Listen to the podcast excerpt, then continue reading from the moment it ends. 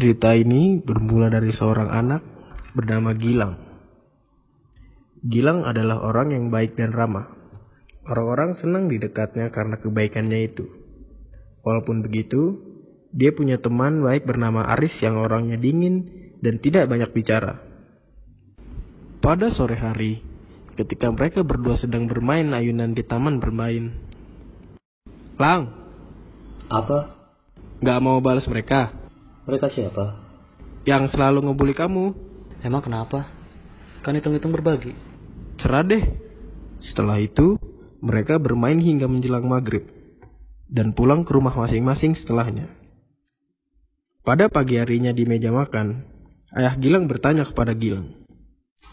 Dek, Aris itu teman baik kamu kan? Iya, Pak. Kenapa? Ayah dengar kemarin dia habis berantem sama kompleks sebelah. Hah? Emang iya, Pak? Iya, Dek. Ayah dengar dari tetangga sebelah. Setelah itu, Gilang berangkat ke sekolahnya, yaitu SD Harapan Bangsa 01. Dan di kelas dia bertemu Aris. Riz, Hah, kamu ngapain ngeladenin mereka? tapi kata mama orang yang nakal harus dihukum. Kan nggak harus pakai cara kekerasan juga. Harus dong, Enggak. harus. Kamu kenapa sih? Habisnya aku sembari menahan perkataannya. Tiba-tiba Aris terlihat sangat ketakutan. Seakan-akan dia habis melihat hantu. Dan wajahnya menjadi pucat. Riz, kamu kenapa? Ayo kita ke UKS. Gak usah. Setelah itu, Aris pergi meninggalkan kelas. Dan tidak kembali lagi hingga pelajaran berakhir. Tasnya pun masih tertinggal di bangkunya. Ketika pulang, Gilang membawa tasnya Aris dan bergegas menuju rumah Aris. Sesampainya di rumah Aris, tepat sebelum mengetuk pintu terdapat suara hantaman yang sangat keras. Gilang yang takut dengan suara tersebut memberanikan diri mengetuk pintu. Assalamualaikum. Harusnya ada. Ya, sebentar. Keluarlah ibunya Aris dengan tatapannya yang sama dinginnya dengan tatapan Aris. Gilang cukup terintimidasi olehnya, karena ini kali pertamanya Gilang bertemu ibunya. Harusnya ada, Bu. Wah, Arisnya lagi istirahat. Eh, tidur siang maksudnya. Oh, begitu ya, Bu. Gilang sangat ingin menanyai suara hantaman yang barusan ia dengar. Tapi dia ketakutan untuk bertanya. Dia hanya ingin pulang saja dan melupakan semua yang terjadi di sini. Ya, ya sudah, Bu. Ini tasnya Ares tadi ketinggalan. Oh, terima kasih ya. Saya pamit ya, Bu. Ya. Sambil bergegas meninggalkan rumah tersebut, Gilang mendengarkan suara dari jendela rumah Aris. Gilang. Gilang pun lari ketakutan dan kembali ke rumah dengan wajah pucat. Semalaman dia tidak bisa tidur karena kepikiran terus oleh suara yang seakan-akan meminta pertolongan. Ada perasaan menyesal dan lega yang berampur aduk pada malam itu. Menyesal karena tidak menolong orang tersebut. Dan lega karena ia merasa akan terkena malapetaka kalau menolong orang tersebut. Keesokan harinya, tepat sebelum pelajaran dimulai di kelas. Ron, kamu lihat Aris? Enggak tuh, biasanya kamu yang sering sama dia kan? Iya sih. Tapi kita biasanya barengan masuk pasti jam 6 lebih 45 menit. Ini udah jam 7, orangnya pun belum kelihatan. Kemudian masuklah seorang guru ke dalam kelas dengan membawa surat. Anak-anak, dengerin ya. Bapak mau menyampaikan sesuatu. Apa, Pak Guru? Mulai hari ini, Aris sudah tidak bersekolah di- lagi di sini. Dia pindah sekolah. Hah? Pak,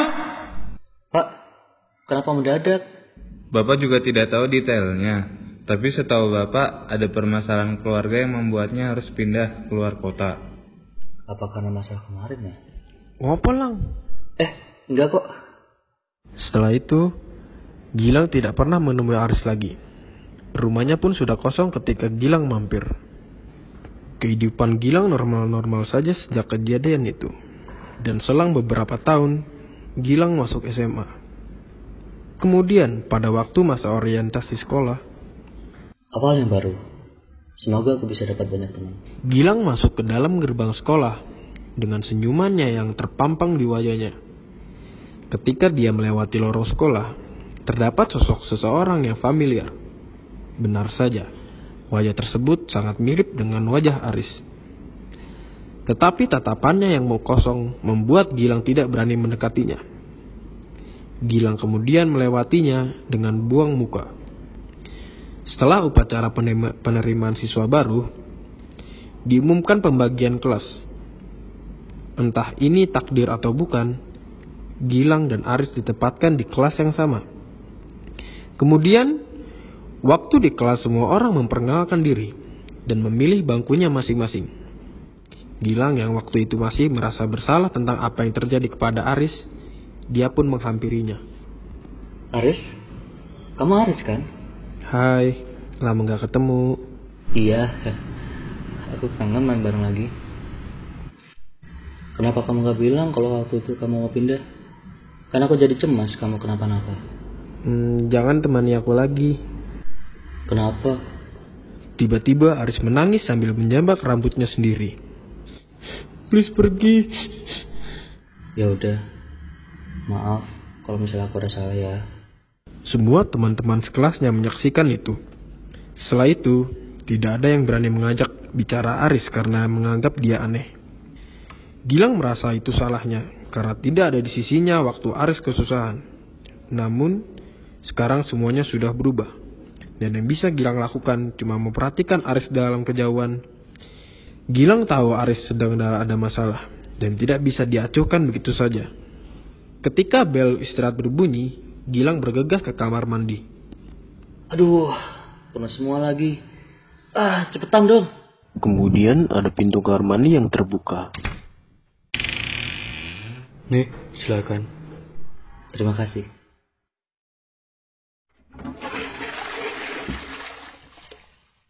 Ah, akhirnya lega.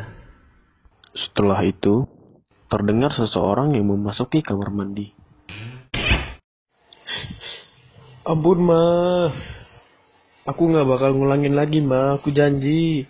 Setelah beberapa saat, orang tersebut semakin kencang nangisnya. Wah, ampun. Gilang yang terkaget segera menghampiri orang tersebut dan benar saja. Orang itu adalah Aris.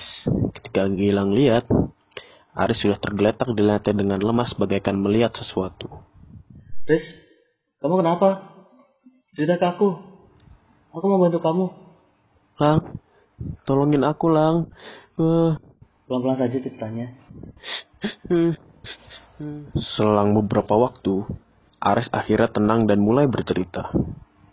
Kamu ingat waktu aku berantem dulu? Iya, kenapa? Ternyata anak yang membuli kamu itu ayahnya CEO dari tempat mamah bekerja.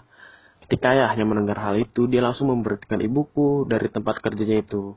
Ibuku stres karena hal itu dan mulai memukulku setiap harinya, sampai benar-benar dia merasa aku kapok. Tapi kenapa harus pindah sekolah keluar kota segala? Karena sejak mamah diberhentikan dari kerja, keuangan kami jadi kacau. Kami tinggal di lingkungan kumuh, dan jarang sekali aku bisa bersekolah. Tak lama karena terbebani banyak hal, mama jadi sakit, sakitan, dan akhirnya meninggal. Sejak saat itu aku dirawat oleh pamanku di sini. Kehidupanku baik-baik saja awalnya, tapi aku tak bisa melupakan masa-masanya ketika aku dipukuli, dicambuk, dan disiksa. Dan parahnya, sekarang aku melihat dia di mana-mana, seakan-akan dia ingin menyiksaku sekali lagi. Kan aku bisa bantu kamu. Kenapa kamu menyimpan itu semua sendirian? Kenapa tidak mengabari? Kan aku bisa bantu kamu. Aku nggak dibolehin menyentuh handphone sama sekali, tapi waktu itu aku udah minta tolong ke kamu dan kamu malah lari. Iya. Maaf ya. Kamu pikir hanya dengan maaf bisa memperbaiki semuanya? Aku tahu, maaf pun tak cukup. Tapi aku berjanji, aku akan selalu ada di sini seperti dulu lagi. Di susah maupun senang. Agak jijik ya. Diamlah. Aku pun malu mengatakannya. Tapi aku senang ada yang masih mau menemaniku, tapi asal kau tahu saja, aku bukan orang yang seru untuk diajak ngobrol. Aku tahu. Kamu memang orang yang membosankan. ya sudah, kalau gitu pergi aja. Dan kamu orang yang pemarah. ah, sudahlah. Kabur.